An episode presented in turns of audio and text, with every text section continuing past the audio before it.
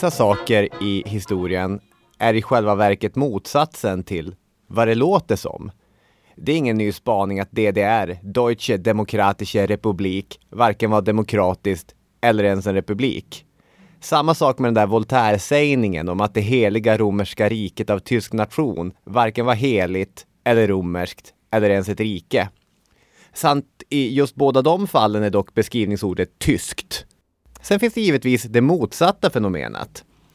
Sådant som är precis vad det heter. Kalabaliken i Bender. Det var ju kalabalik. Och i Bender dessutom. Och ett annat exempel, det är dagens ämne. Efter Ivan den fjärdes stränga regim fanns förvisso ett eh, mer eller mindre konsoliderat Ryssland att tala om. Men vem som skulle efterträda honom, det skulle visa sig vara ett dilemma. Dammluckorna öppnades för inhemska komplotter, utländsk intervention och gamla klassiska lurendrejare. Det blev en jäkla rörare där, där tsarpretendenterna föll likt takpannor för vinden. Vilket också hörs på namnet. Smutnodje Vremja. Eller ja, den stora oredans tid. Det blir Sverige, det blir Polen och inte minst blir det en hel jäkla massa Ryssland i dagens historiepodden.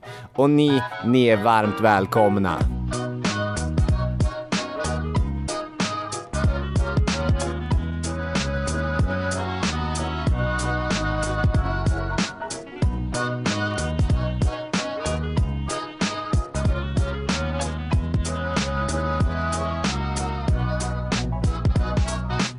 Välkomna, välkomna till Historiepodden. Tack, tack, tack, tack. Robin heter du, jag heter Daniel. Och eh, nu blir det stökigt. Ja, det blir det. Inte för att han behöver det, men en shout-out ska väl eh, riktas till eh, vår gamle statsminister när vi pratar om Ryssland. Som också har skrivit en bok som heter någonting om oredan, Carl Bildt. Mhm. Den heter väl Den stora oredan eller något sånt där, fast det handlar om nutid.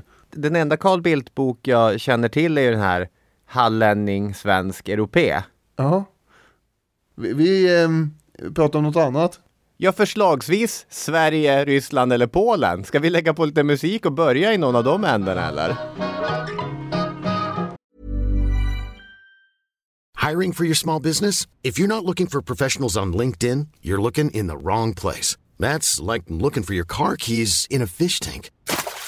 LinkedIn helps you hire professionals you can't find anywhere else, even those who aren't actively searching for a new job but might be open to the perfect role. In a given month, over 70% of LinkedIn users don't even visit other leading job sites. So start looking in the right place. With LinkedIn, you can hire professionals like a professional. Post your free job on linkedin.com slash people today.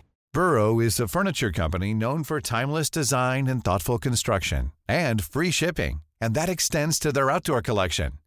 Their outdoor furniture is built to withstand the elements, featuring rust-proof stainless steel hardware, weather-ready teak, and quick-dry foam cushions.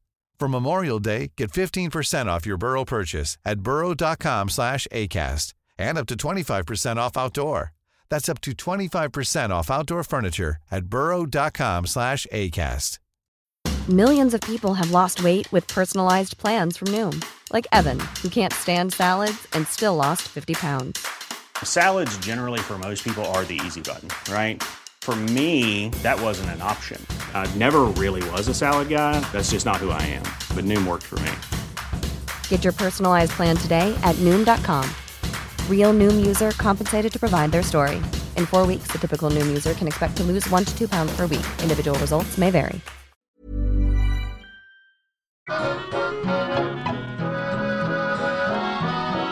Du nämnde Ivan den fjärde, Den förskräcklige! vilket han är mer känd som ja. Rysslands första utropade tsar 1547. Föregångarna hade visserligen varit storfurstar då i det moskovitiska riket. Även om det fanns eh, föregångare som informellt hade kallat sig för tsar, kejsare. Så var han först eh, rent officiellt med det där. Den stora oredan är ett resultat av den här intensiva perioden under vilket det moskovitiska Ryssland hade uppstått, eller vad man ska välja för ord. Moskvafursten hade ju fått mongolernas gillande på den tiden när mongolerna hade inflytande över stora delar av Ryssland. Mest i form av eh, rätten att samla in skatt och så. Men när mongolernas kontroll kollapsade så var det ju Moskvafurstarna som agerade mest eh, driftigt för att konsolidera någonting som i alla fall kunde likna en sammanhållen stat. Och det var ju Ivan den tredje, den store kallad och hans ännu kändare sonson då, som du sa, Ivan den fjärde, den förskräcklige, som under 1400 och 1500-talet bedrev den här politiken som gick ut på inre och yttre konsolidering. Konsolidering är ett ord som när man läser historieböcker används det ju väldigt, väldigt ofta. Det används inte så fruktansvärt ofta i resten av livet. Nej, nej, det är sant. Men det handlar ju om att man etablerar någonting, gör det stabilt. Få lite kontroll. Ja. Det här begreppet tsar har ju då att göra med storfurstens eh, äktenskap med en syster till den bysantinske kejsaren i Konstantinopel. Och eh, Mm. ryska storfurstar menar ju därför då att de hade tagit över kejsarvärdigheten efter Rom och Konstantinopel när båda de hade fallit. Och därför pratar man om ett tredje Rom. Mer om det en annan gång, men det, det är därifrån den här titeln kommer. Ivan härstammar ju då enligt den här traditionen från den anrika Rurik-ätten. Eh, Den här som, eh, ja, enligt eh, Nestorskrönikan i början på 1100-talet så var det ju en Rurik, en Rus, viking från dagens Sverige som hade grundlagt själva Kivriket. Det här pratar vi väldigt utförligt om i avsnitt 390. Men det är onekligen ett eh, stolt arv att förvalta. Tyvärr var ju Ivan en lynnig herre, kan man konstatera. Det finns ju massor att säga om honom, men hans tillnamn, den förskräcklige, var ju inte oförtjänt. Nej, lynnig är ju förvisso sant, men det blir ändå en förskönande omskrivning. Det är ju framförallt mot slutet av hans liv rent monstruösa övergrepp som eh, man kan tala om. Ja. Det skvallrar ju lite, det här tillnamnet i alla fall, om hur det kunde komma så att han slog ihjäl sin äldste son och tronarvinge, som också hette Ivan. Det här är inte en historisk exakt eh, tvärsäker händelse, men eh, fadern orsakar ju sonens död i alla fall, det är troligt. Och kanske var det med den där spjutkäppen som det har hävdats. Och det här kan ju då ha berott på, eh, sägs det, eh, att sonens eh, fru, sonen Evans fru, var gravid och gick omkring lättklädd hemma, var på pappasaren Evan blev arg, misshandlade henne och hon fick missfall och då uppstod ett bråk mellan far och son varpå far slog ihjäl son år 1581.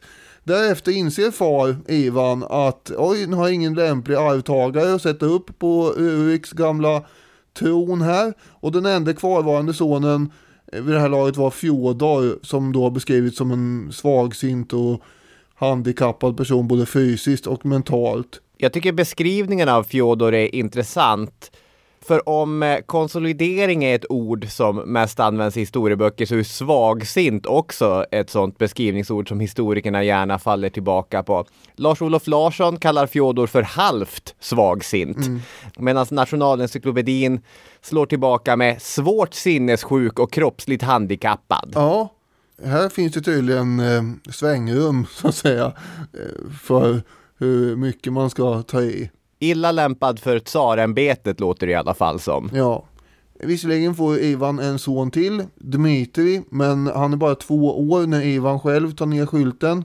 Sålunda kliver, eh, trots svagsinthet och så vidare, Fjodor den första upp på tronen 1584. Men det visar sig snart då att eh, den starke mannen i riket är Fjodors svåger som heter Boris Godunov, som vi snart ska prata mer om förstås. Den här situationen som Ivan den fjärde lämnar efter sig beskrivs i Jeffrey Hoskings bok Ryssland, folk och imperium som att det är en godsägare som har avlidit utan att lämna något testamente efter sig. Och kvar finns såväl missnöjda medlemmar från själva godset som klåfingriga grannar. Det är som bäddat för oreda det här. Den här oredan i rysk eh, tronföljd som kommer uppstå i början på 1600-talet. Det finns ju yttre inblandningar också från andra stater som är där och, och petar. Och där har vi då Sverige och vi har Polen och då måste vi prata lite om Sverige-Polen också och eh, eh, vad är det som pågår där. Sverige är ju i en uppbyggnadsfas från självständigt rike till ett rike med stormaktsambitioner i början av 1600-talet. Mm. Kung under första årtiondet på 1600-talet är Karl den nionde, mannen med de tre grå hårflätorna som har kammats fram över den annars väldigt kala gässan i en helt unik frisyr. Du gillar ju frisyrer. Ja, det gör jag ju. Jag gillar ju speciellt Karl den niondes frisyr. Om jag i ena vågskålen lägger Karl den niondes frisyr och i andra vågskålen lägger Karl den niondes drakoniska rättskipning så tycker jag att frisyren är att föredra. Ja. Ja, det kan man ju. Den gör ju inte så mycket skada egentligen då. Nej, det är mest eh, ett glatt inslag i vardagen. Ja. Han var då Gustav Vasas yngste son, men eh, hade ju övertagit makten från brorsonen Sigismund. Sigismund var ju kung i Sverige 1592 till eh, 99. Hans pappa var Johan den tredje, alltså var Gustav Vasa Sigismunds farfar. Just det. Hans mamma var ju då den polska och katolska prinsessan Katarina Jagellonica. Sigismund, han var alltså kung över både Sverige och Polen en stund här. Innan det blossade upp religiösa och maktpolitiska konflikter när hans eh, farbror hertig Karls styrkor vinner i slaget vid Stångebro 1598 mot Sigismunds armé eh, i Linköping alltså. Mer om detta också någon annan gång. Men i praktiken så är Sigismund färdig i Sverige här och är bara kung i Polen då. Och eh, hertig Karl blir vartefter Karl IX. Som framgår av din mycket effektiva och träffande beskrivning, men- det här är ju också något av en oreda. Ja, det är ju, men det är inte en lika stor oreda som det vi, det vi ska börja nysta i. Nej, det är den något mindre oredan. Ja, just det. Men det är en del av den stora oredan. Det här innebär ju då att eh, Karl IXs söner Gustav Adolf och Carl Philip är kusiner med Sigismund Vasa som sitter och styr Polen. Mm. I verkligheten är det ju så att ingen kung ger bara upp någon titel hipp som happ. Och det gjorde inte Sigismund heller. Han hade ju fortsatt krav på den svenska tronen eftersom han en gång i tiden var kung där och eh, tyckte att han skulle fortsätta vara det. Den eh, unge fältherren Jakob de la Gardie blev också aktuell i det här avsnittet. Han var då son, det blir många, många namn här men jag får försöka hänga med med kollegieblocket. Han var son då till Sofia Gyllenhielm som då var oäkta dotter till just Johan den tredje. Alltså är den polska kungen Sigismund de la Gardies morbror. Kan man också ha med sig här.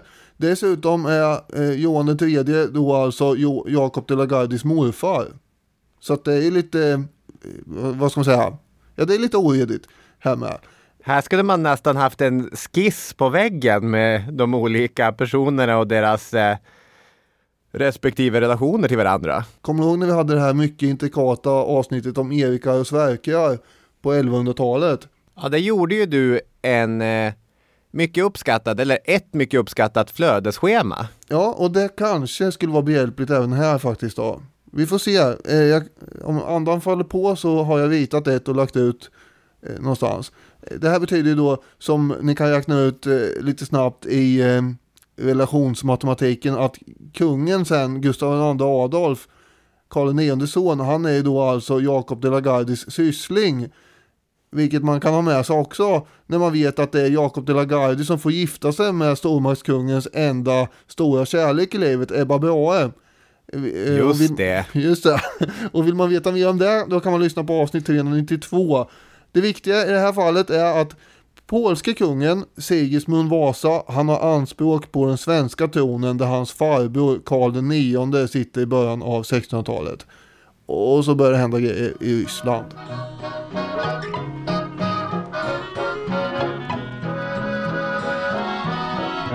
Sverige, Ryssland och Polen hade inte bara olika släktband gemensamt, nu är väl det sant mest för Sverige och Polen ändå, men de har ju en annan sak gemensamt och det är ju ett stort intresse för Östersjön.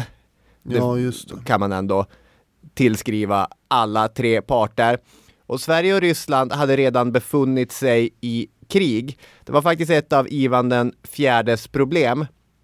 Mellan 1570 och eh, 1597 puttrade det som har kallats det livländska kriget på. Och det handlade om hur den svenska rörelsen i östlig riktning Och den motsvarande ryska rörelsen i västlig riktning kom att leda båda parterna till en långdragen konflikt om hamnar och handel i Östersjön. Inte minst slogs man om Narva, den estländska staden som ligger långt in i Finska viken. Den hade ju först Ryssland lyckats hugga till sig när tyska orden imploderade, men den hade från 1581, vill jag säga, kan det stämma, eh, erövrats av eh, svenskarna.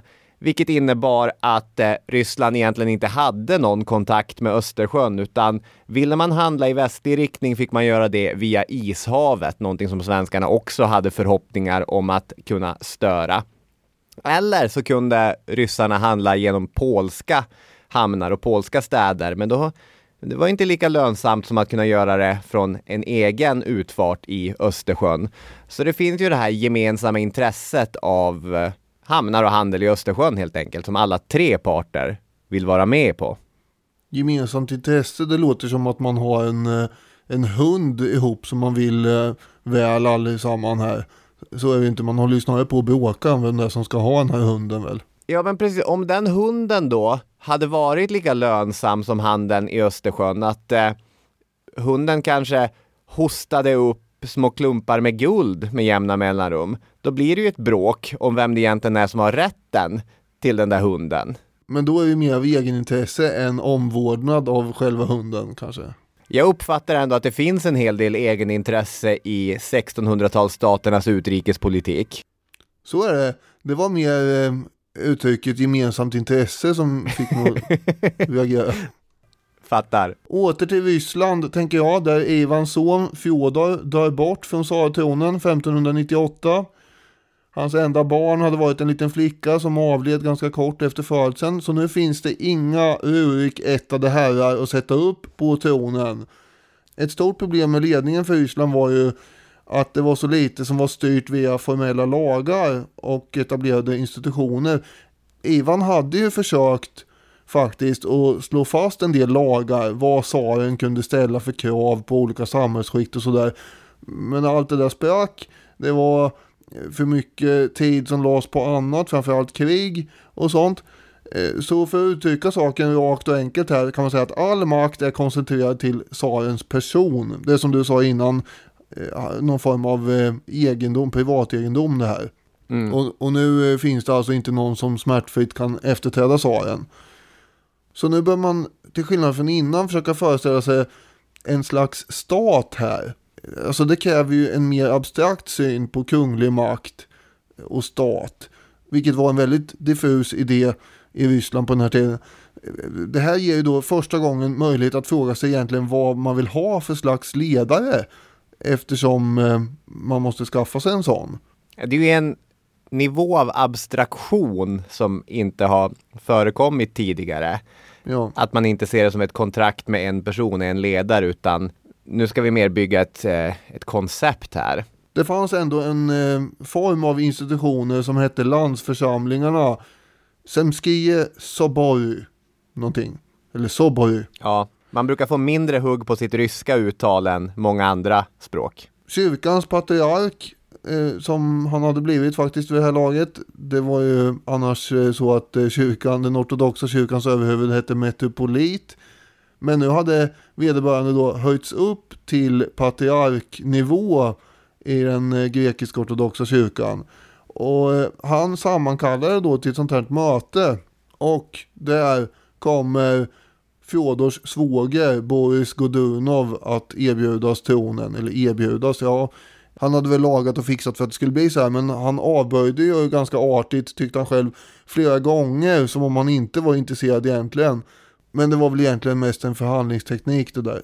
Ja, och det visar ju också vilken stark hand han också satt på, eftersom han svarade njet varje gång det här mötet eh, försökte inskränka eller försökte definiera hur långt tsarens makt egentligen sträckte sig. Mm. Om han skulle ta tsarämbetet då skulle det vara med oinskränkta befogenheter. Och när han till sist erbjuds posten, okej, okay, då får du väl då får du väl vara enväldig. Då svarar han da, det kan han tänka sig. Det här var ju tillfället eh, man hade egentligen då att skapa gränser för härskarens makt. Ungefär så som hade hänt i England som vi vet 1215 Magna Charta eller i Sverige med Frihetsbrevet 1319.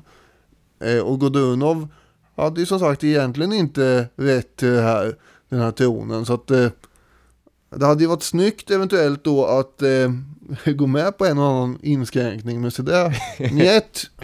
Jag skulle vilja ställa en fråga till dig Daniel. Mhm. Den handlar om ett citat från en bok du skickade till mig som heter Tsarernas Ryssland. Boken skrevs 1992 av författaren Lars Älgklo. Jag har försökt hitta information om Lars Älgklo men inte hittat något om honom i övrigt annat än att han skrivit flera böcker om mat och dryck. En bok om brännvin, en om kaffe och en om kulinariska kåserier. I alla fall, så här skriver Elklo. Det var ingen välmående nation som den nya härskaren tog över. De många krigen och de eviga utskrivningarna hade skördat många offer. Stora flyktingskaror drog omkring på landsbygden. Många av dessa vinddrivna människor anslöt sig till de rövarband som överallt gjorde vägarna osäkra. Så här långt, inga frågor, rimliga beskrivningar av ett Ryssland i rätt desperat tillstånd. Men sen fortsätter Älgklo. Därtill kom de svåra och ständigt återkommande matbristsituationerna, vilka utlöste revolter och gjorde många människor apatiska. Åren omedelbart efter sekelskiftet 1600 var synnerligen svåra. Folk livnärde sig på gräs, sin egen avföring och sina småbarn. Människokött såldes till högstbjudande på torgen. Så kan det väl ändå inte ha varit? Man tänker ju eh, lite grann på Jonathan Swift förstås i ett anspråkslöst förslag här. Avsnitt 279 för övrigt. Där lägger han ju fram ett rationellt förslag om att äta barnkött under irländska kristider och det är ju en uppenbar satir det här. Så är det ju. Och jag tänkte ju också som du att det här så kan det väl ändå inte ha varit. Men jag vet att hundar alltså det här är ju riktigt kritiskt. Swift skriver ju sin text 126 år senare. När man läser vissa ögonvittnesskildringar från Moskvatrakten 1603 och den enorma svält som det handlar om då. Så är det helt utan satirisk touch. Eventuellt är de överdrivna hoppas man. Men eh, han har inte suttit och hittat på det här själv, Elklo.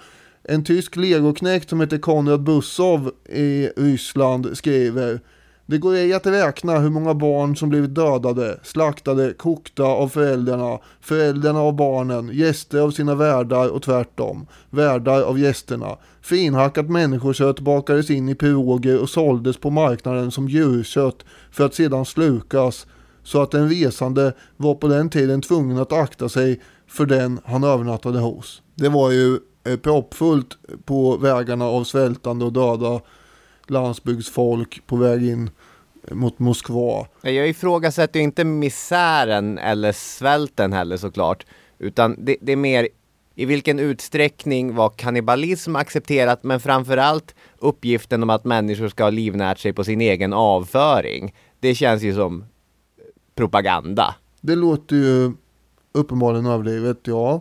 Jag förstår inte heller riktigt. Ja, det är ju väldigt... Är det en näring? Ja. Ja, det är ju... ja, det här vill man ju helst inte tänka så mycket på, men det är lite Nej. en uppgift att göra här på något sätt.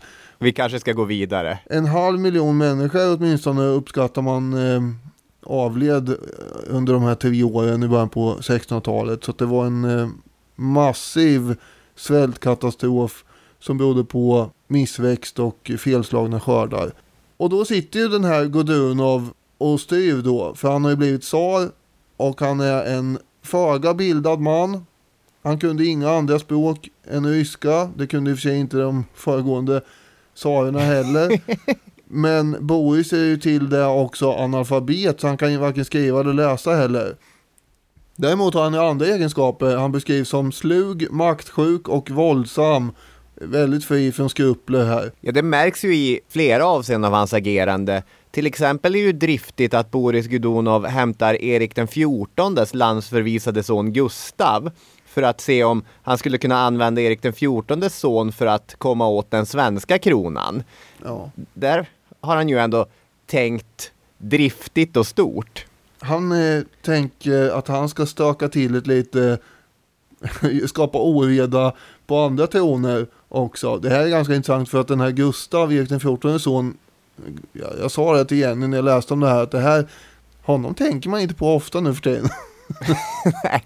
Nej, han är en bortglömd karaktär. Och eh, Boris Gudonov märkte också att efter att Gustav hade varit eh, vid eh, Gudunovs hov en period det, det, var ju ingen durkdriven maktmänniska som hade anlänt där. Det här var inte någon kandidat som på riktigt skulle kunna sätta Karl den nionde som är en durkdriven maktmänniska ur spel. Nej, det var, han var inte riktigt kapabel att eh, tävla med. Det kanske inte var så mycket. Han var ju också son då till eh, Karin Månsdotter som eh, inte kom ifrån, jag vet inte, det har inget med genetik att göra det här, men det, fanns inga... Du, du, tänk, du tänker att... Eh... det var inte tillräckligt mycket Vasa i honom helt enkelt bara, det var väl det kanske. Blodet hade tunnats ut, Karl den nionde, det var mer renodlad durkdrivenhet där. Ja, kanske. Ja, det är i alla fall så att han kommer ju att dö bort där i något hörn av Ryssland den här Gustav och gifter sig också helt fel enligt eh, Godunov. Nu får jag väl eh, försöka vita till eh, honom också på något hörn i den här flödeschemat. Andra konsekvenser av den här eh, svältkatastrofen i början på 1600-talet är ju att centrala delar av eh, Ryssland kommer, det kommer att avfolkas, bönder flyttar söderut, det är tjänare som sparkas av sina adelsherrar, alltså bojarerna och de bildar en massa rövarband som driver omkring. Så det är ju det är allmänt eh, oredigt redan kan man säga. Mm. Alexander Smirnov som har skrivit boken Den svenske tsaren skriver Stabiliteten i Ryssland hade rubbats. Människor som sett sig sjunka ner till djurens nivå fann det svårt att återvända till det gamla invanda livet. Och många skyllde det här eländet på tsaren, Boris Godunov som alltså inte var Rurik ättad. Och han bidrog ju till det här missnöjet själv också får man ju säga. Eftersom han höll på att konfiskera folks egendom och deportera och avrätta och grejer. Det här var ju metoder som påminde om Ivan det förskräcklige i och för sig. Men skillnaden var att Ivan hade man inte valt. Honom hade man bara ändå. En vald ledare mm. skulle man ju kunna skaffa bort också eventuellt. Nu fanns det ingen mandatperiod på fyra år vänta ut här i och för sig. Men, men tanken uppstod ändå hos tillräckligt många att eh, måste vi ha den här tsaren när det är så här eländigt? Och enda sättet att uttrycka sitt motstånd är ju att stödja en annan tronpretendent på den här tiden. Fanns det någon sån? När Ivan den fjärde avled, precis som du nämnde tidigare, så fanns det ju fler söner kvar i leken, den här unga Dimitri. Men han hade avlidit hastigt och lustigt 1591.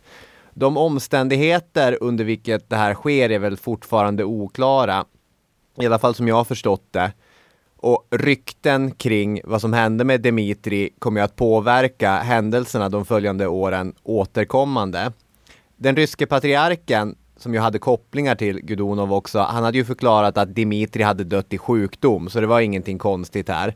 Men de konspiratoriskt lagda författarna, de gillar att poängtera att om det var så, varför deporterades och förvisades alla människor i Dimitris närhet? Vilka skäl fanns det att göra sig av med dem om det nu var en naturlig död vi snackade om här? Så den sista manliga arvtagaren i Ruriketten hade försvunnit där i början av 1590-talet. Ja, det är när du säger konspiratoriskt lagda författare det låter ju, alltså det är ju inte så att det här är helt otänkbart i första läget ändå. Det, nu har jag läst här på morgonkvisten eh, ett stycke i boken Vad hände egentligen? Och nu sitter inte de inne med alla svar i den boken. Mm. Men det gav vissa nya vinklingar då. Får man ju säga. Den här eh, pojken, Dimitri, han hävdas det då skulle ha dött av eh, att han hade fått ett epilepsianfall och stuckit sig själv med en kniv då. Och sen eh, bara någon vecka eller två senare så var det omöjligt att identifiera honom. Och det är konstigt med tanke på att den som mer än 15 år senare identifierar det uppgrävda liket som honom då hade sagt att man inte kunde identifiera honom. Det, det, det, det finns en hel del mystiska omständigheter kring det här. Särskilt när det gäller Godunov då som var Alltså svåger till den här svagsinte Fjodor, han såg ju säkert framför sig att här skulle jag ju kunna ta över makten sen. Ja, såklart den enda som eventuellt skulle hota det var ju den här då eh, 8-9-årige pojken om han fick fortsätta leva. Så det fanns ju skäl för Godunov som har blivit anklagad för att eh, försöka ta livet av den här att, ehm, eh, att eh, ja, göra sig av med honom. Men det här är ju en sannolik konspiration, jag menar ingenting annat. Men Nej. det är oklart vad som hände, även om det kanske troliga är att eh, någon, eh, kanske Gudonov, mördade Dimitri. Sen, människor dog ju knall och fall på 1600-talet också, så var det ju.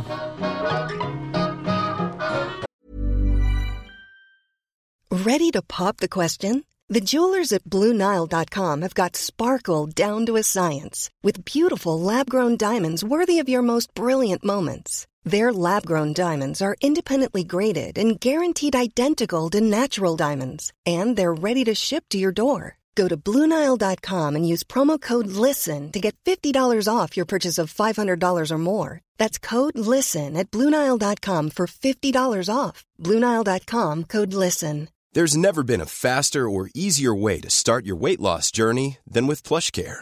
PlushCare accepts most insurance plans and gives you online access to board-certified physicians who can prescribe FDA-approved weight loss medications like Wigovi and Zepbound for those who qualify. Take charge of your health and speak with a board-certified physician about a weight loss plan that's right for you. Get started today at plushcare.com slash weight loss. That's plushcare.com slash weight loss. plushcare.com slash weight loss. Millions of people have lost weight with personalized plans from Noom, like Evan, who can't stand salads and still lost 50 pounds. Salads, generally, for most people, are the easy button, right? For me, that wasn't an option. I never really was a salad guy. That's just not who I am. But Noom worked for me. Get your personalized plan today at Noom.com. Real Noom user compensated to provide their story. In four weeks, the typical Noom user can expect to lose one to two pounds per week. Individual results may vary.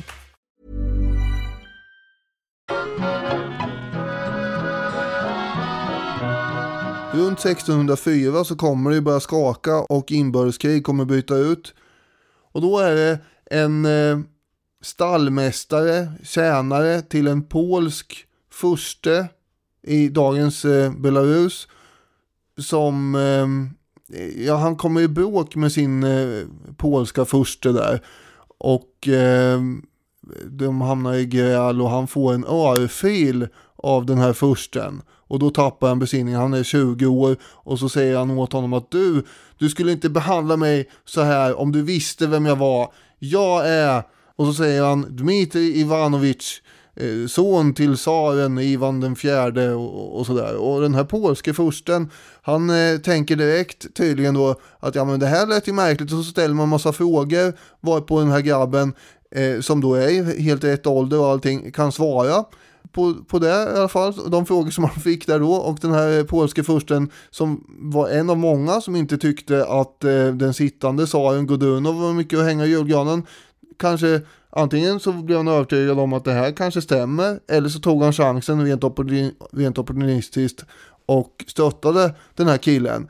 Som hur som helst kunde ja han kunde ju latin han kunde ju eh, liksom föra sig på ett sätt som inte var så vanligt bland stall stallmästare annars om man säger så. Det här är ju en intressant berättelse såklart. Den får ju en att tänka på 1520-talets Sverige där det var, ja, det var missnöje i Dalarna mot de extra skatterna som Gustav Vasa hade infört och det var uppror. Och i ett av de här upproren så samlades ju upprorsmännen kring en enande person, Daljunken, som menade att han var Sten Sture den yngre son Nils. Vilket han kanske var. Det kan han ju mycket väl ha varit. Det, där säger väl magkänslan att han var kanske Sture den yngre son Nils. Ja, kanske. Eh. Vi har gjort avsnitt om det här med förut. Ja. Här i Ryssland, knappt hundra år senare, då har vi alltså en ung man som utger sig för att vara Dimitri. Och han har väl kanske, magkänslan säger inte lika starkt som Daljunken att det här kan ha varit the real Nej. deal. Men helt omöjligt är det inte. Nej, det är inte helt omöjligt. Han har ju förklaringar på hur han har hamnat där han har hamnat. Det är en eh, lärare som har hjälpt honom fly mellan olika kloster och sådär eh, fram till att han har växt till sig och sen har den här eh, läraren eller vad han nu var eh, dog bort så sa han sökte till den polska eh, gränsen. Och då gjorde den här killen där som då var uppåt eh, 19-20 års åldern och tog eh, värvning där hos eh, olika Mm. polska höjdare. Det finns ju också ett brett eh, fång av grupper ute i samhället som en eh, pretendent på tsarämbetet som kan räkna sin härkomst till Ruriketten kan suga upp, eller vad man ska säga. För dels så fanns det adelsmän, bojarer och så som var missnöjda med Boris för att de ville ha bättre pli och koll på bönderna. Men det fanns också bönder som ville att livegenskapen skulle mildras. Det fanns kosacker som ville ha sina rättigheter i riket bekräftade. Det finns en stor och bred koalition av sig självt totalt motsträviga intressen som kan samlas kring en enda sak och det är att de gillar Dimitri. Ja, eller de gillar inte Godunov. Ja, det kanske snarare så. Smirnov han skriver så här. Det var som om landet väntat på någon som kunde avlösa den avskydde tsar Boris. Stad efter stad gav upp utan strid. Arméer på många tusen man gick över till den falske tsarsonens sida. De bojarer och befälhavare som förblev tsar Boris trogna greps av revolterande stadsbor. Och den här Dimitri har ju också stöd av polackerna. Under tiden som det här kaoset pågår så försöker ju företag Karl IX erbjuda tsar Boris svenskt stöd mot den här upprorsmakaren. Mot att tsaren då ratificerar den så kallade Tersinafreden som slöts 1595. Även om Boris till slut gick med på det där utbytet så dog han ju plötsligt i april 1605. Eventuellt självmord genom gift eller så fick han hjälp. Det är oklart. Hur som helst så installeras då Boris 16-årige son Fjodor II. Men det blir inte långvarigt. Utan bojarerna i Moskvaområdet ville inte ha någon eh, son till Boris Godunov på tronen. Och den falske Dmitrij betraktades kanske, om han nu var falsk alltså, betraktades ju som mer lätthanterlig eventuellt. Och vid behov också utbytbar kanske. Var han så lätthanterlig dock? Nej, nej, nej, nej, men de kan ju ha trott det. För inte bara det att han hade polskt stöd, han giftes ju in i den polska aristokratin och utrustades med en polsk här. Så när Dimitri kunde marschera in i Moskva och eh, utropa sig själv till ny tsar 1605 gjorde han det som Lars-Olof Larsson skriver med stöd av polska lansar och ett nyckfullt pöbelvälde. Den här Fjodor, han mördas i alla fall och eh, Dmitrij och hans gäng tågar in i Moskva. Och eh, blir, han blir upphöjd till tsar 1605. Och vem han var, som sagt, det är ju en gåta. Men eh, att han skulle ha varit den här munken som Godunos propaganda hävdade, eh, det är troligen inte så sant. Det var nog inte någon munk, som, för han var väldigt bra på allt möjligt som inte är särskilt eh, vanliga munkegenskaper. Att jaga, att rida och eh, allt det här med att, kriga generellt som man höll på med. Jag tror att den propagandaberättelsen går ut på att den här förrymda munken kom från en fattig adelssläkt och att det var på det sättet han hade lärt sig den adliga ynglingens alla sysslor. Han hade i alla fall eh, inget stort skägg enligt rysk stil utan han var eh, slätrakad, ganska kort, mörkhårig, kort bred näsa också och under högra ögat satt en vårta. Många trodde ju i alla fall att han var en äkta Dmitri, son till Ivan den förskräcklige. Och han uppträdde ju som sagt ganska belevat. En eh, legoknäkt skrev Hans vältalighet bedårade alla ryssar. Dessutom lyste något majestätiskt fram genom honom. Något som man inte kan uttrycka med ord och som inte hade någon motsvarighet ens hos de mest förnäma ryssar och ännu mindre hos de människor av låg börd där han borde ha varit uppväxt om han inte var sonen till Ivan Vasiljevitj. Ja, det är ju sådana här, såna här berättelser går ju förstås att skruva och vinkla på i efterhand men, men ändå. Han var ju fylld av självförtroende i alla fall och eh, föredrog tydligen polska seder. Han kunde mycket om eh, ryska adelssläkter men eh, han gjorde ibland narr av ryska seder och det visade sig att det var inte så populärt i längden. Han har också det här problemet att eh, inför maktövertagandet kanske man har gjort en plan där steg ett, ta makten. Men sen, vad är steg två? För när din maktbas består av en massa motsträviga intressen, då kommer ju steg två per definition vara mycket svårare än steg ett. Till exempel hade han ju haft stöd av eh, missnöjda bojarer, men när deras position hotades av det polska inflytandet, då började ju de fundera på är det här verkligen den kille som vi vill ställa oss bakom? Är det här verkligen Dmitrij? Ja, är det verkligen Dimitri? Det blir ju ingen lång och lycklig eh, tid på tronen för den äkta falske Dimitri heller. Nej. Man vet ju i efterhand också att han har haft kontakter med påven och skrivit eh, brev på polska till honom där han har bekräftat sin konvertering till katolicismen och han har bett påven om att få dölja det här för sina undersåtar så att de inte ska bli oroliga. Och syftet med det var ju att få stöd från polackerna, vilket han fick också, och från påven. Eh, Sigismund hade ju träffat honom i Krakow och erbjudit resurser och allt sånt där. Det har ju föreslagits att den här Dmitrij kanske också var oäkta son till den gamle polske kungen Stefan Batory. Eh, men ja, det, det finns ju många förslag som cirkulerar här. Tydligen åt han ju kalvkött och dansade på baler och det var ju någon form av eh, ringaktning av eh, normerna också.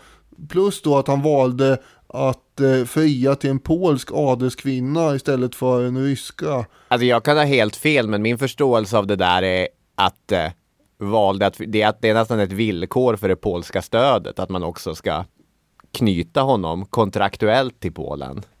Så kan det ha varit. Karl IX, han struntade ju ganska mycket i vem den här tsaren egentligen var. Han var ju mest intresserad av vad har den här killen för planer framöver. Och eh, jag tyckte väl att kontakterna med Polen var en smula oroväckande. Mm. Karl IX var ju kanske den mest paranoida av paranoida Vasakungar. Vilket eh, var den mest paranoida av alla svenska dynastier. Ja, så att det här är peak paranoia. Så är det. Men han var ju också en beräknande cyniker. Det var inga problem att kasta egna under bussen om det krävdes. Så Karl IX han skickade en ambassadör, en Fredrik Tatz, till den här tsaren Dmitrij med förslag om förbund mot Polen. Alltså att man skulle skapa någon slags ja, förbund riktat mot Polen då. Vilket är lite djärvt med tanke på att den här Dmitrij då har fått eh, hamnat på tsartronen med hjälp av polackerna. Det här var väl eh, någon form av test från Karl IX för att se vad som var möjligt och det här var tydligen mm. inte möjligt. Så den här Tats blir tillfångatagen eh, och sådär, vilket Karl IX säkert hade räknat med, men han ville ändå kolla förmodligen vad, vad som hände. Lite spill får man räkna med. Och sa Dmitri, han skickar sen ett brev till Karl IX där han beordrar den här gamle svensken att överlämna tronen till den rättmätige monarken över Sverige, alltså Sigismund. Så hur paranoid Karl IX än var så hade han ju vissa skäl för den här paranoian. Han är ju själv en usurpator på tronen. Ja. Vilket man i och för sig kan hävda att även Sigismunds pappa Jon III var.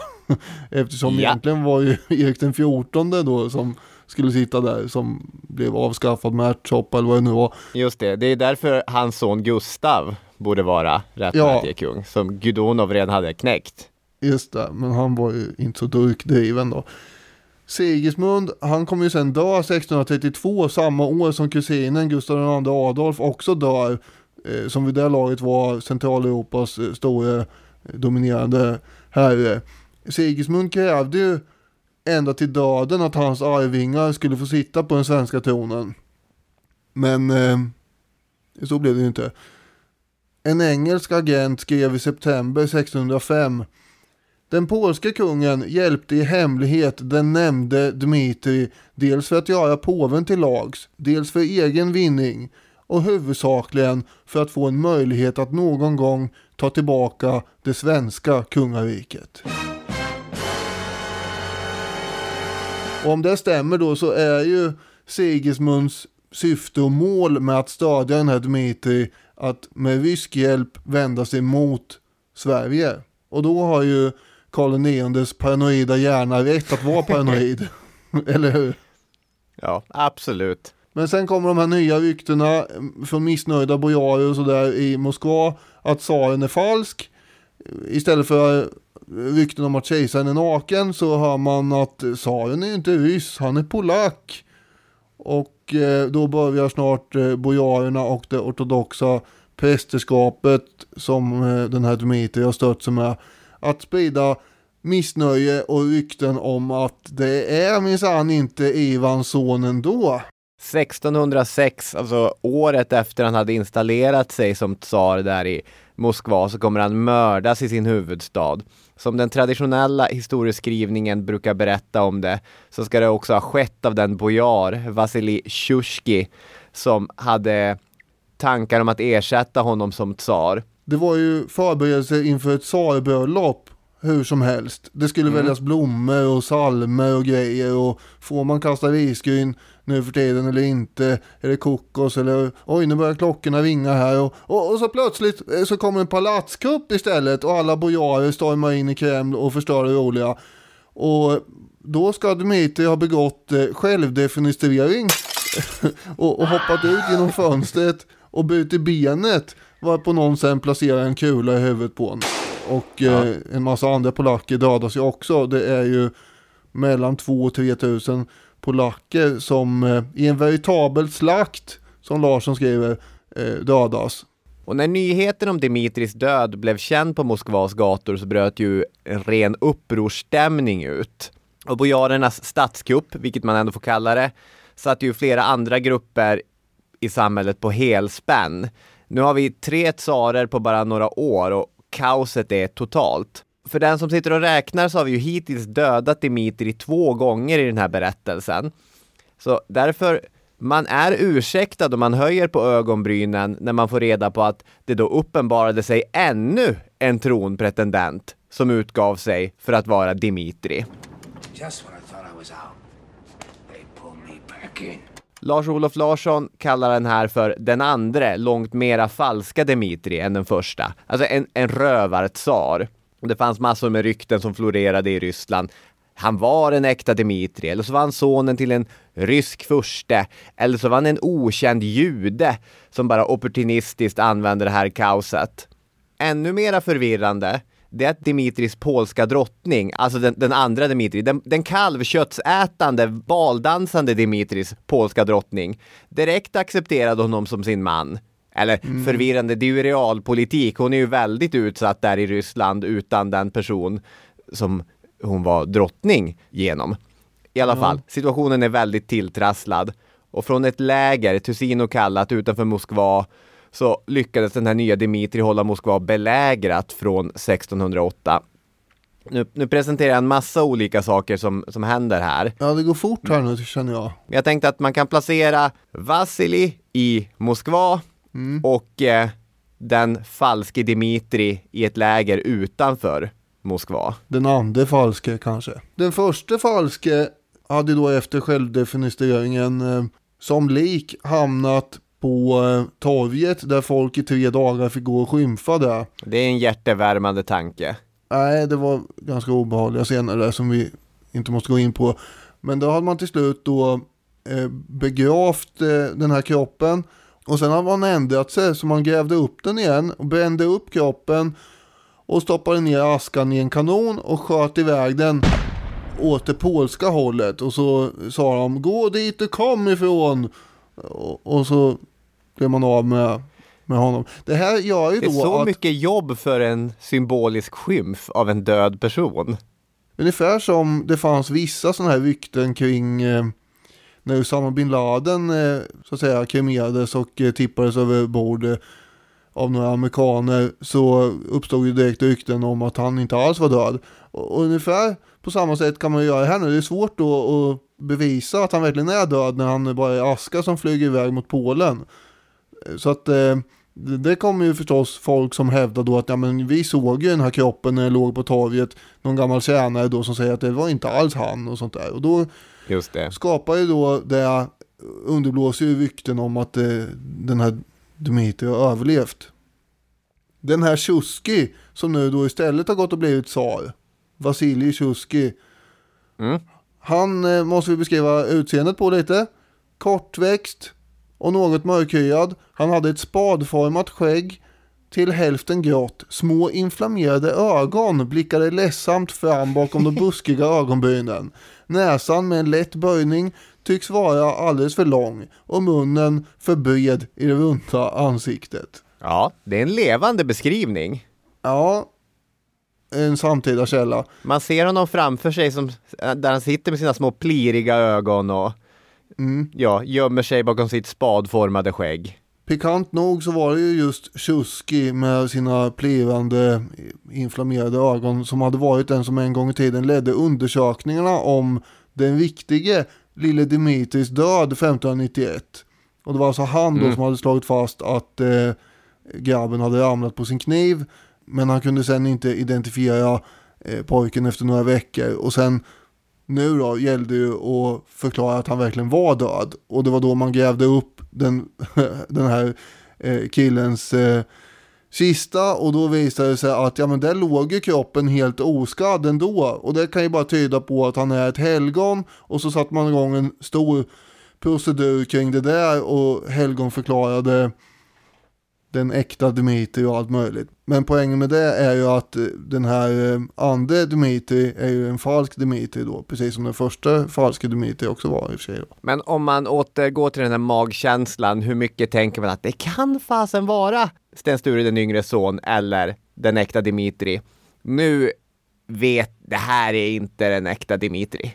Nej, den andra här nu, nu, det, nu om vi har en skala va, där eh, sannolikheten höjs och sänks så är den ju väldigt långt ner nu på att den andra Dimitri är äkta. Även om den var Ja. låg redan på den första killen. Vi hade ju Karl den nionde som eh, du eh, förtjänstfullt beskrev satt och ängslades över en polsk-rysk allians mot eh, svensk sida och som hade testat vattnet för att se om han kunde få till ett tillstånd med den första falska Dimitri. Han kommer ju äntligen i Vasilij Sjusjki få napp på sina ständiga trevare om ett svenskt samarbete.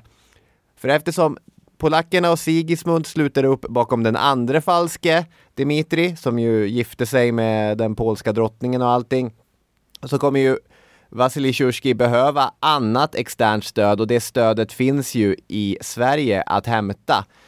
Och i de tidiga breven mellan Vasilij Tjurskij och eh, Karl IX så märker man att eh, Karl IX han erbjuder truppstöd mot arealer antingen i Ingermanland eller vid Ishavskusten.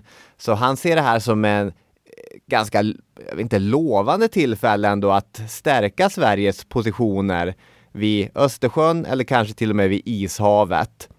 Sen eh, kommer ju det samförståndet som Sjusjki och Karl IX till sist sluter handla om att eh, Sjusjki lovar att eh, respektera de gränserna från Tusina-freden 1595 som du tidigare nämnde. Ja, och det var ju en viktig aspekt för Karl IX verkar som. Han var ju på flera stycken sarer och tjatade om det här. Och då handlar ju det om att Ryssland inte ska ha någon som helst claim på Östersjön. Att den här Tjuski var i behov av stöd, det är ju ganska tydligt. För det här upproret nu kring den andra Dimitri var ju enormt. Och eh, var omfattande massor, särskilt också som det fanns stöd i form av 4000 polska adelsmän. Och det är ju viktiga proffskrigare där på hästrygg i tung utrustning. Det var ju sådana som hade krossat en numerärt överlägsen svensk armé vid Kirkholm ett par år tidigare, 1605. 1608 så beräknas det att den andra Dmitri har tiotusentals kosacker och andra ryttare Eh, under sitt kommando. Det är ju synd att säga därför att det finns ju uppgifter om att eh, de här polackerna eh, de mer eller mindre höll ju den här Dmitri som eh, fånge. Man hade ju vakter kring honom så att han inte skulle fly. Så det säger ju en del om vilken roll han hade. Eventuellt hade man ju hittat honom i något fängelse när man väl eh, insåg att vi måste visa upp en levande person här. För det här upproret hade ju startat genom en eh, Ivan Bolotnikov. Och det var han som eh, ledde det här upproret från början. Och, och sen fick han då hjälp av polacker och andra. Och när man väl behövde presentera någon person så kan det vara så att man bara hittar någon som man tänkte den här får vara Dmitri då den här gången. Men det här lägret som den här rövarsaren som han kallades eh, höll till i. Det ligger då i Tushino utanför Moskva. Varför han också kallades för Tushino-skälmen av motståndarna. Just det. Smirnov skriver om lägret där att det var en enorm trästad som växte upp och blev den andra Dmitrijs tillfälliga metropol. På toppen av en kulle byggdes hans palats, en rymlig trästuga. Den var omgiven av polska härförares tält och de mer förnäma ryssarnas stugor. Längre ner uppfördes hastigt hopsnickrade kurer täckta med halm där enklare folk inkvarterades. Det såg alltså rätt mörkt ut för tsar Vasilij Tjuski egentligen. Och det var ju nu då och inte en sekund tidigare som den ryske tsaren gick med på att ta emot hjälp från Sverige. Karl IX hade ju då i ett eh, putslustigt ögonblick i ett brev jämfört ryska tsarer med harar. Alltså att man byter tsar oftare än harar byter färg. Vilket de i alla fall gör ett par gånger om året.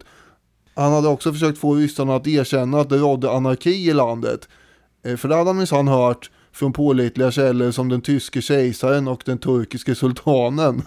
Eh, så att det, det, det är oreda där borta, kan ni inte bara erkänna det här nu? Vi kommer inte ta oss någonstans i förhandlingarna förrän ni erkänner att det är trots allt oreda. Nej. Det satt ju långt inne för Vasilij Tjuski att erkänna det förstås. Och ingenting reder ju ut en oreda bättre än att eh, vi skickar iväg en svensk här till Ryssland. Nej, precis. Det borde ju lätta upp en, hela, en hel del. Han hade också lovat då, den här lutherska fundamentalisten Karl IX, han hade ju lovat att den gamla grekiska religionen skulle få fortsätta råda i Ryssland och man skulle skydda den från de här hotande katolska polackerna och sånt där. Och det bidrog väl lite grann till att man tänkte att svenskarna var inte den sämsta hästen ändå.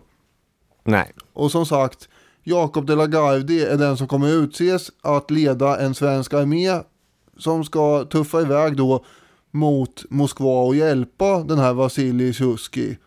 De la Gardie är 26 år gammal vid den här tiden. Rödaktiga lockar som faller ner mot axlarna enligt eh, senaste Parismode. Och han har ju tjänstgjort hos tidens store fältherre Moritz av Oranien från Nederländerna och allt. Han har lärt sig massor om modern krigföring. Eh, han är, han är en broiler kanske. Han var ju son till den eh, fältherre Pontus de la Gardie som hade varit svensk befälhavare i de eh, svensk-ryska krigen under slutet på 1500-talet. Så att det känns lite grann också som att det är familjepositionen som han tar upp igen.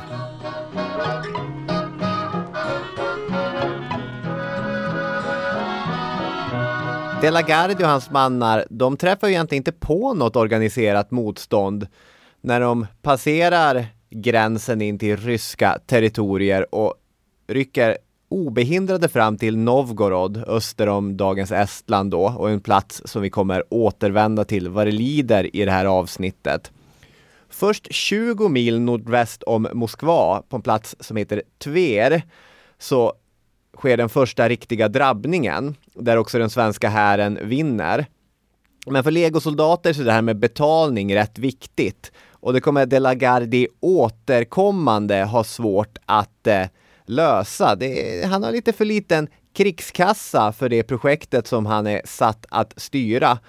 Så efter ett myteri så tvingas han stukad återvända till Novgorod för att kraftsamla för en ny offensiv. Ja, han hade ju ungefär 5000 man från början då och eh, de flesta var ju engelska eller tyska legoknektar. Och de ville ju ha betalt då som sagt. Nej, det är ju ganska typiskt legoknektsbeteende och eh, det är fullt förståeligt. I början av 1610 dock så står den svenskledda styrkan på då omkring 2000 man utanför Moskva. Och eh, Smirnov skriver så här. Den 12 mars anlände de förenade rysk-svenska trupperna till Moskva utan att möta något motstånd.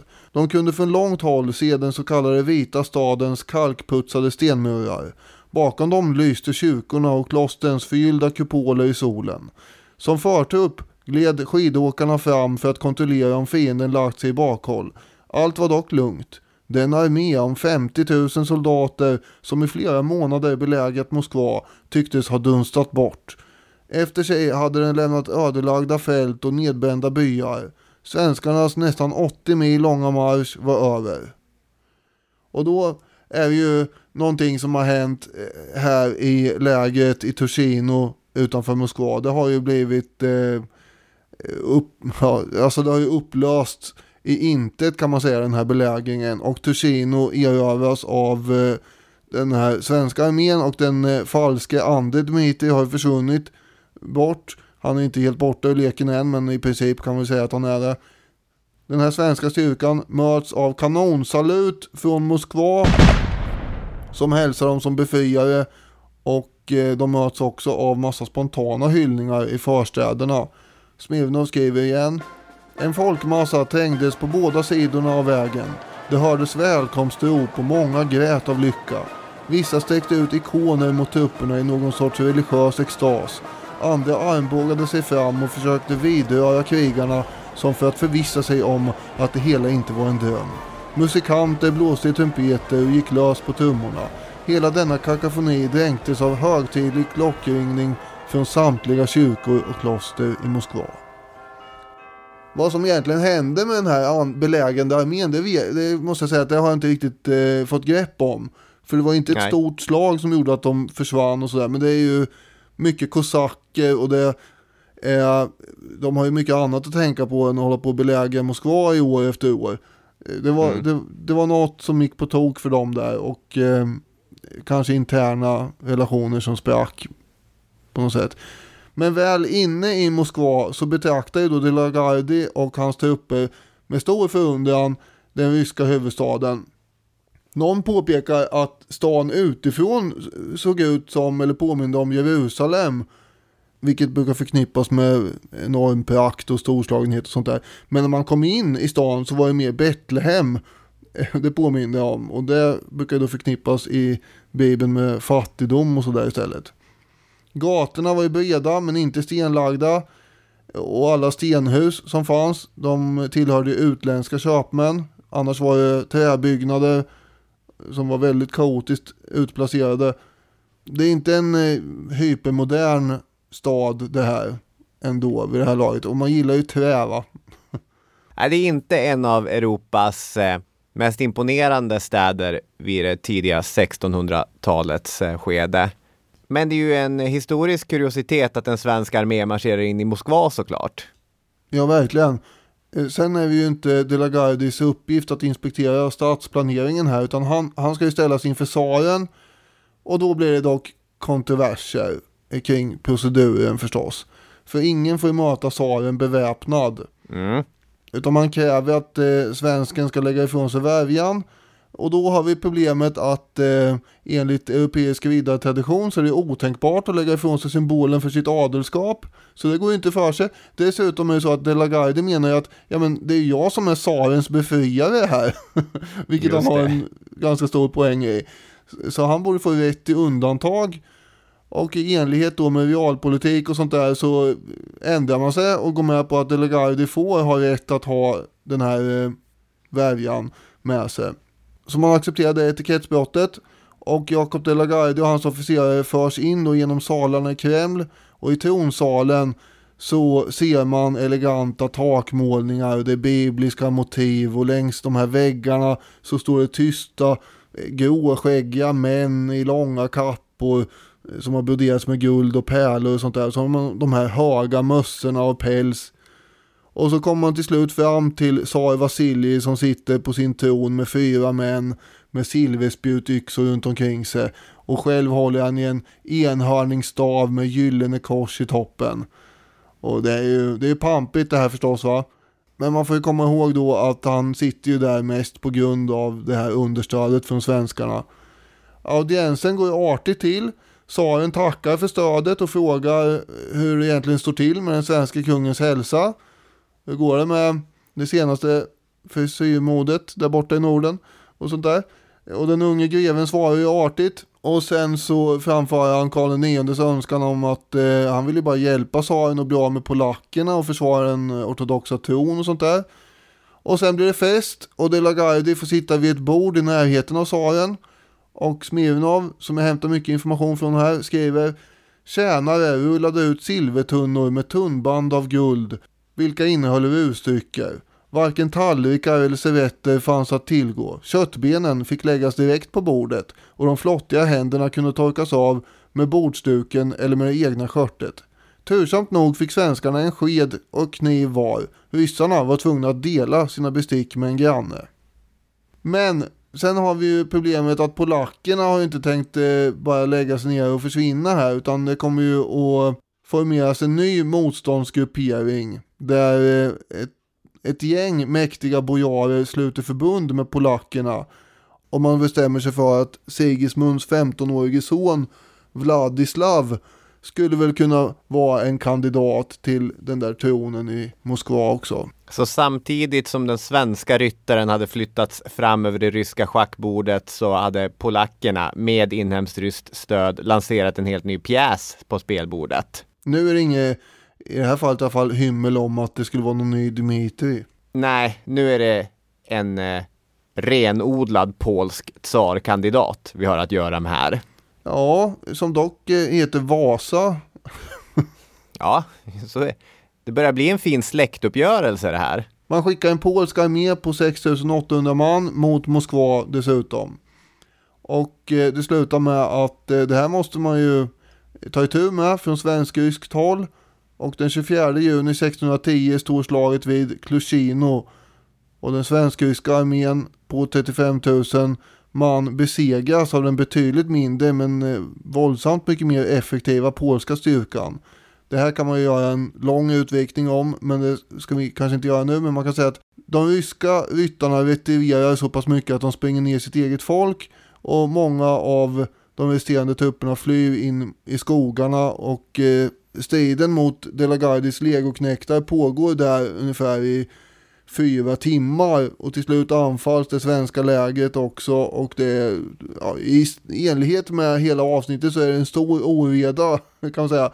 Eh, och eh, enligt någon uppgift så ropade då polackerna på de tyska legoknektarna att de skulle desertera för att få överleva och det gjorde ju många då också. Och De La Gardie mm. blir ju, ja det blir inte många Eh, kvar och bossa över för honom. Det är några svenska, finska och engelska skvadroner som finns kvar. Smirnov skriver när Delagardi såg att armén var på väg att falla sönder och att han riskerade att bli tillfångatagen av sina egna soldater valde han att själv överlägga med den polske hetmanen.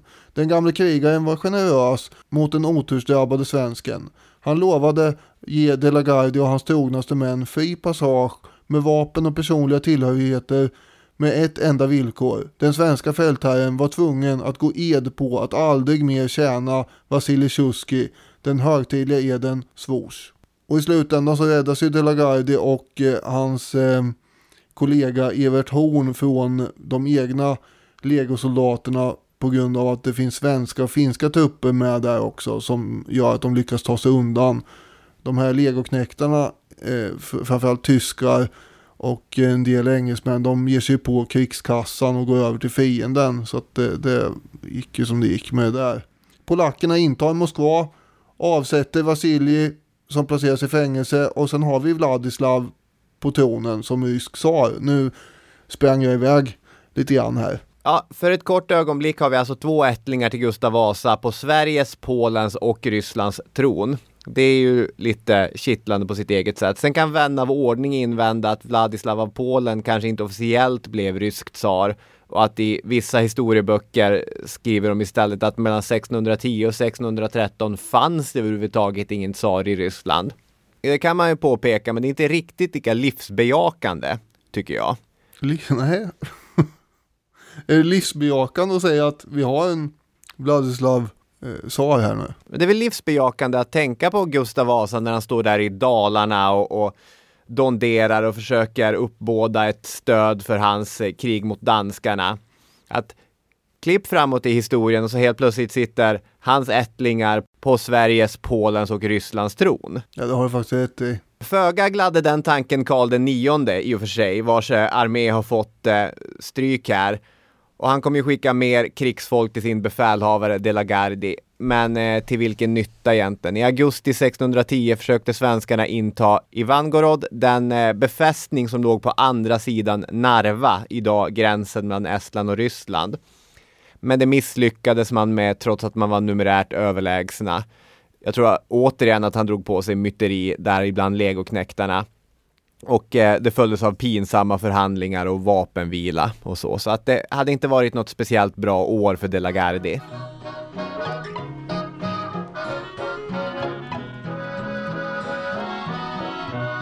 När vi så ser att det är året 1611 på kalendern vet vi, kanske, att Karl IX är inne på sina sista månader i livet. Dessutom så vet vi, återigen kanske, att han är märkt av den stroke som han har fått. Han har här fortsatta planer på att stärka Sveriges position i Ryssland. Detta trots att man ganska säkert vet att det är krig mot Danmark som står för dörren också. Det brukar ju vara det.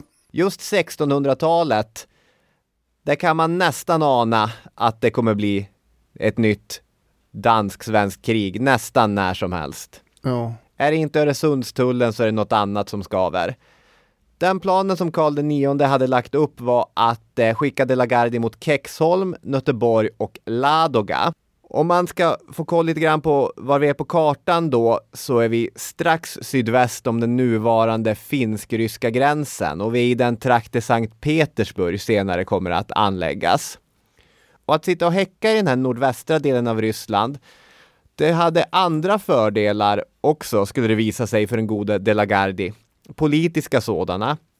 För ännu en liten bit söderut från Ladogasjön, där har vi ju Novgorod, den ryska statsbildning som svenskarna hade haft absolut tätast kontakter med under århundraden.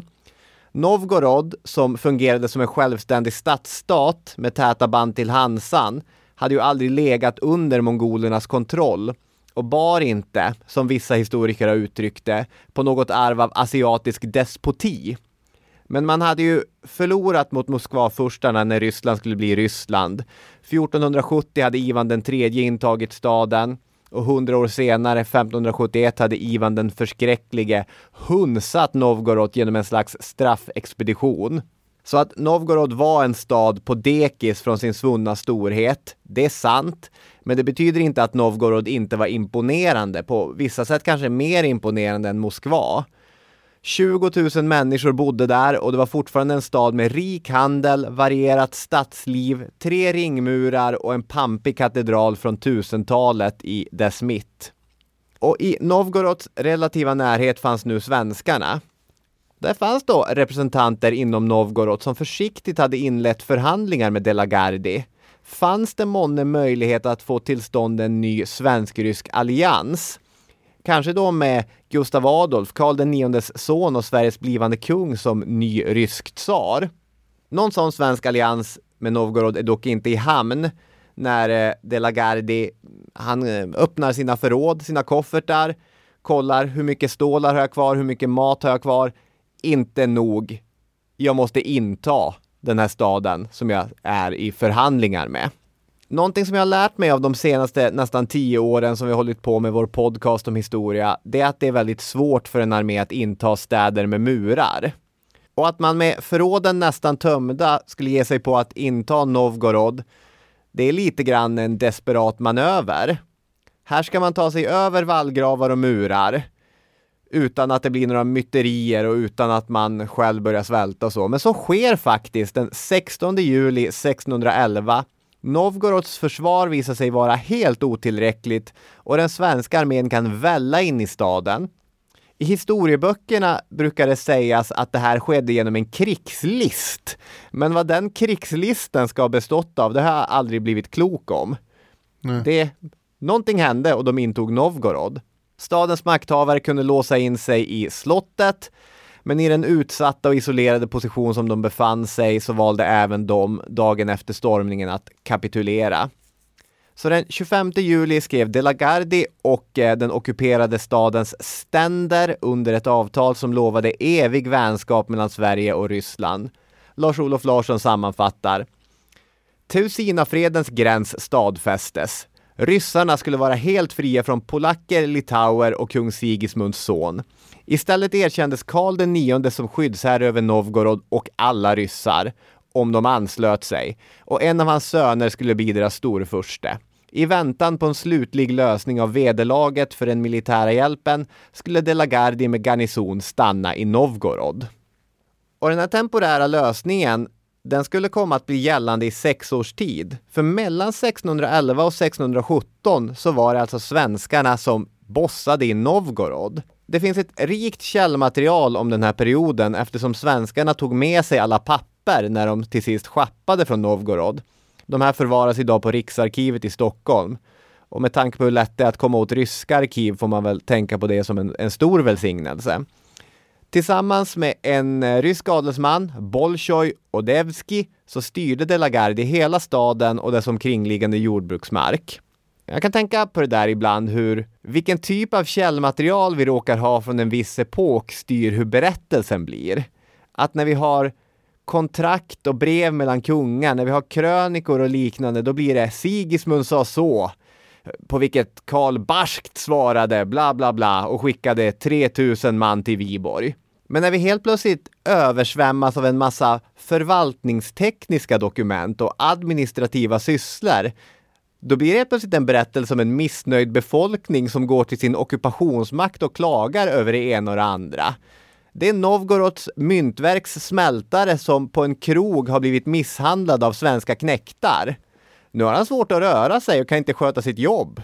Ja, De Lagardi bestämmer sig för att skicka representanter för att utreda hur det här har gått till egentligen. Oklart vad de kom fram till. Flera klagar på de relationer som äger rum mellan ryska kvinnor och svenska soldater. En slags eh, dåtida variant av tysketöserna i det ockuperade Norge. Man gillar inte att eh, knäktarna och de ryska tjejerna har ett eh, så tätt umgänge.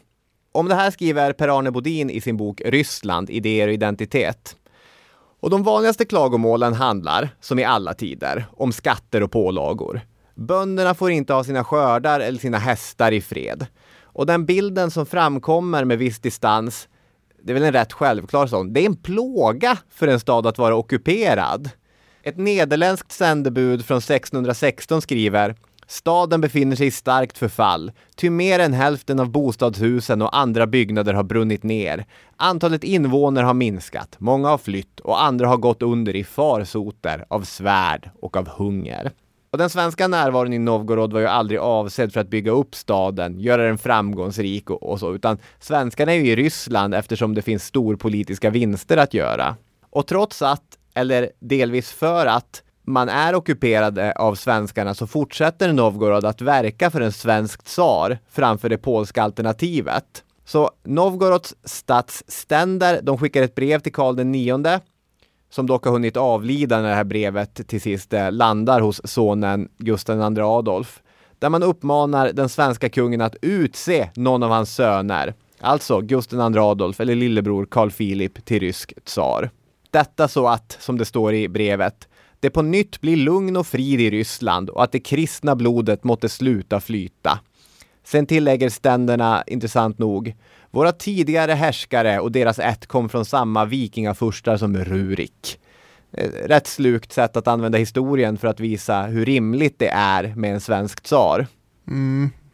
Men Gustav Adolf accepterar ju det här erbjudandet om att bli tsar för egen del då.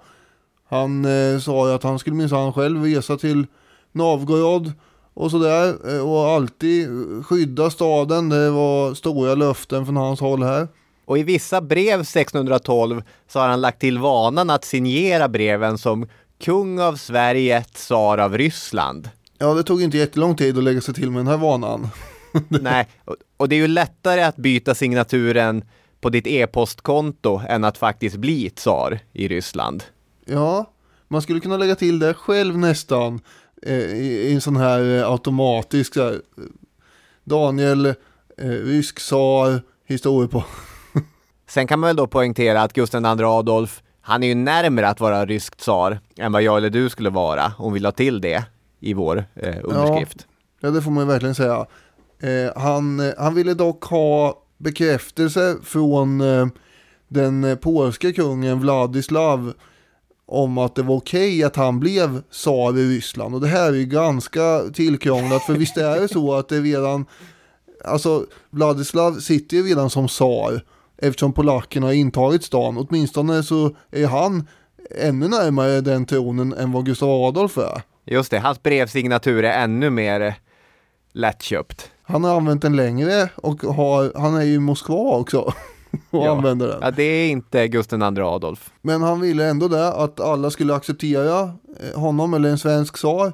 Allt det här låter ganska märkligt. Jag vet inte vad han var ute efter. Han ville väl eh, få någon form av konsensus. Men det är ju jättesvårt att få i det här läget förstås för det. Han insåg väl till slut att eh, det skulle inte accepteras. Och dessutom så blir det svårt ur ett arbetsmiljöperspektiv att hantera det här med att både vara kung över Sverige och eh, tsar i Ryssland. Det måste ju vara värre än att vara ordförande för både Djurgården och AIK samtidigt liksom. Hovets skyddsombud tolererade inte den tanken. Nej, eh, och därför överlämnar han då den här tsarrollen till sin yngre bror Carl Philip som eh, då bara var tio år. Det förs ju också en hel del diplomatiska kontakter med en förste som heter Poscharski, mer om honom snart. Men den här Poscharski håller då som bäst på att leda ett massivt folkuppror givetvis i enlighet med oredan i eh, en jättestor skala alltså för att köra bort polackerna. Och eh, den här Posharski skriver brev till Stockholm. Han är lite avvaktande inför de här eventuella svenska tsarförslagen men man vill ju ha fram ett alternativ till polackerna. Liksom. Så han, det är mer ungefär som att ja grabben Carl Philip här kan säkert bli tsar men det är viktigt att han kommer hit nu snart. För vi håller nämligen på att ta över den här huvudstaden och då skulle ju vi till att välja tsar här och då måste han vara här. Så skicka hit honom nu ungefär. Men det dröjer ju ända till juni 1613 innan Carl Philip ens skickas iväg till Viborg i Finland. Idag är det Ryssland men då var det ju Finland. Och det här beror ju dels på att eh, brödernas mamma, änkedrottningen Kristina, ganska ogärna vill skicka iväg den här lille sonen till oredan i öster. Det har man ju viss förståelse för.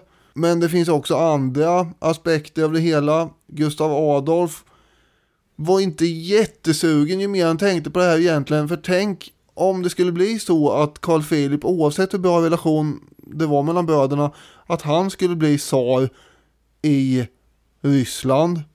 Skulle man inte då ha dragit på sig bara en ny Sigismund situation kanske? Ja, kanske. Alltså där den här eh, prinsen av Sverige skulle kunna ha claim på den svenska tronen och så skulle det kunna bli en rejäl backfire så att säga. Där man får en rysk invasion med en ledare som då vill ta över den svenska tronen. Det var ju också så att Carl Philip hade ju som det var alltså beskattningsrätt i Närke, i stora delar av Västergötland, Östergötland, jag tror det var Södermanland också lite. Det var ju en massa olika län mitt i smeten av Sverige där han Ja.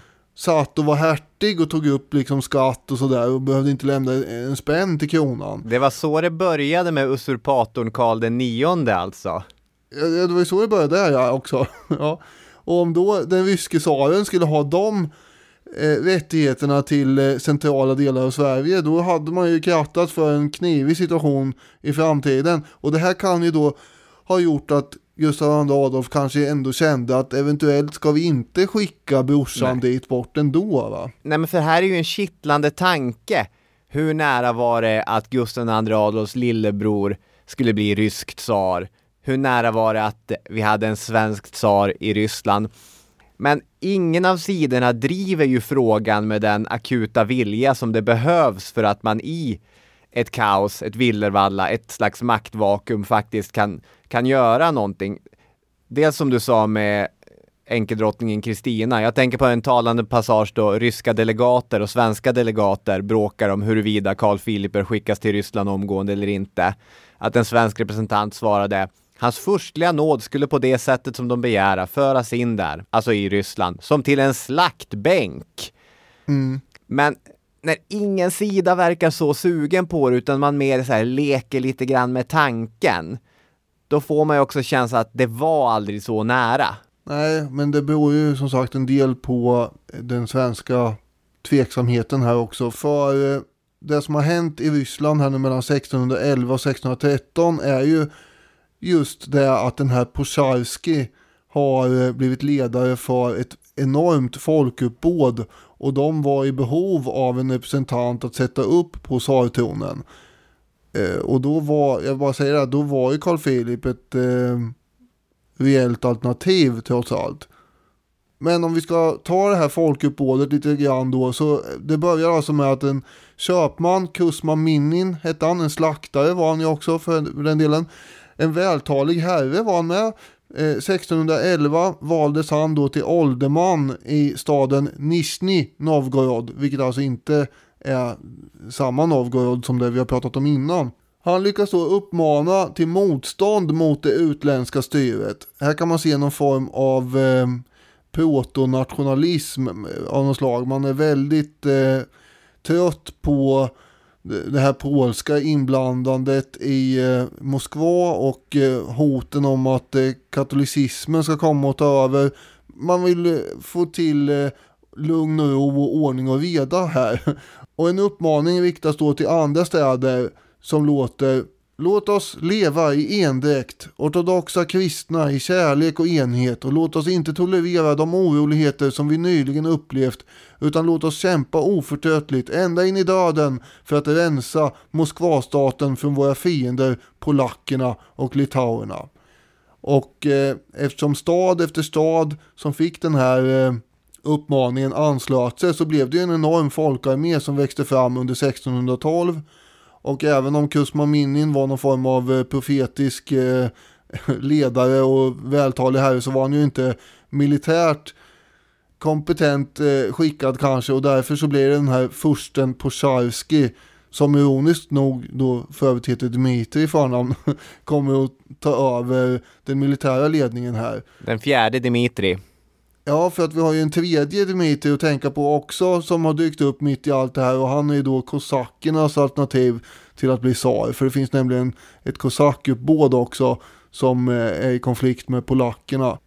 Men man kommer nästan att tänka på eh, Karl Knutsson och Engelbrekt i svensk kontext här. Att eh, Karl Knutsson skulle kunna vara den här Posharski och Engelbrekt är väl mer den folkliga alternativet då som Kusma Minin. Och de lyckas ju då i alla fall till slut att köra ut polackerna ifrån Moskva och sen sammankallar man då representanter från landets regioner för att ha ett stort råd där man ska utse en ny tsar. Och det är ju inför detta och lite grann under tiden som det här pågår parallellt som man håller på att skicka de här breven till Stockholm och säger kom skicka eh, Carl Philip nu, nu måste han komma hit, nu är det bråttom. Mm. Eh, men eh, eftersom det inte händer så är det ju så att man, man har ju redan då valt en tsar när Carl Philip väl kommer till Viborg. Och det är 500 delegater från rikets alla håll och kanter som har samlats. Det är bojarer, tjänsteadel, präster, köpmän, kosacker, stadsfolk och vissa bönder och det fanns ju en hel del osämja och oenighet förstås. Men som Hosking skriver, hur man än väljer att förklara det så fanns där en känsla av gemensam identitet och gemensamt öde som tvingade de olika krigande grupperna att hitta tillräckligt att ena sig kring och samarbeta för att driva ut utlänningarna ur deras huvudstad och återupprätta statens auktoritet. Hosking skriver också den 7 februari 1613 valde Sobor mötet den 16-årige Mikhail Romanov till ny tsar. Detta val illustrerar en förhärskande längtan efter stabilitet, en önskan att upprätta förhållanden som låg så nära som möjligt det som kunde kallas normalitet. Mikhail var den äldsta sonen i en familj som hade nära släktband till Rurik-dynastin och därmed den närmsta en arvkonung som församlingen kunde komma. Ja, några begränsningar i den här nya 16-årige tsarens makt. Det hade ju ingen kommit på tanken att kräva innan han valdes. Utan man tänkte ju att eh, vi får försöka förhandla till oss eh, diverse fördelar i efterhand. Nu måste vi ha upp en tsar på tronen och eh, de brukar ju ha oinskränkt makt så att det får väl den här också ha ungefär. Och därför fortsätter ju också tsarerna i framtiden att ha absolut makt. Som jag har förstått det så var det ju framförallt den här tonåringens pappa som väl var patriark också, som ledde Ryssland i alla fall under en period. Men ändå, Ryssland blev det Romanovska Ryssland. Och de här planerna om en svensk eller en polsk tsar, det blev ingenting av med dem. Gustav II Adolf försökte via diplomatiska kontakter vinna någon slags autonom position för Novgorod som då skulle ha täta kopplingar till Sverige. Men i det fredsavtal som undertecknades 1617 så blev det ingenting av med det. Allt återgick till det normala, eller vad man ska säga. Och Gustav II Adolf och hans gryende stormakt hade ju andra problem att fokusera på. Danmark, sedermera storkriget i Tyskland. Och istället kommer ju det halvsekel som följde egentligen präglas av eh, rätt stabila relationer mellan Sverige och Ryssland. Fred! Ja, så är det ju. Eh, Sverige är ju invecklade i andra konflikthärdar istället som sagt. Ska vi säga att vi med det har gjort vårt bästa att reda ut den stora oredan? Jag är inte säker på hur bra vi har gjort det, men eh, vi har i alla fall försökt. Och i slutändan så tickar vi ut på andra sidan 1613 här, där vi har en eh, familj som heter Romanov som sen kommer att sitta på ett mycket redigt sätt åtminstone i 300 år. Så ja. i, i, den meningen är det inte stökigt längre. Ivan den fjärde, stök, Romanov. Ja exakt, det gick ju mycket snabbare att säga än ja. allt det här andra, men ändå. Men då missar man ju de göttiga detaljerna. Och man missar alla Dimitris också, bara en sån sak. Men eh, det har vi inte missat nu. Vad kommer nästa vecka i Historiepodden? Det får ni inte missa. Tills dess får ni ha det bra där ute. Vi hörs igen om en vecka. Det gör vi. Ha det bra. hej. hej. hej.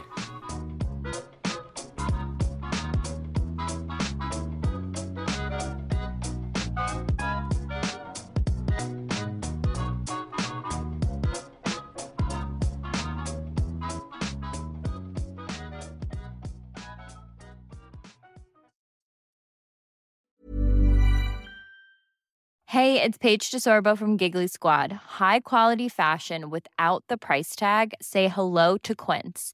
I'm snagging high-end essentials like cozy cashmere sweaters, sleek leather jackets, fine jewelry, and so much more. With Quince being 50 to 80% less than similar brands.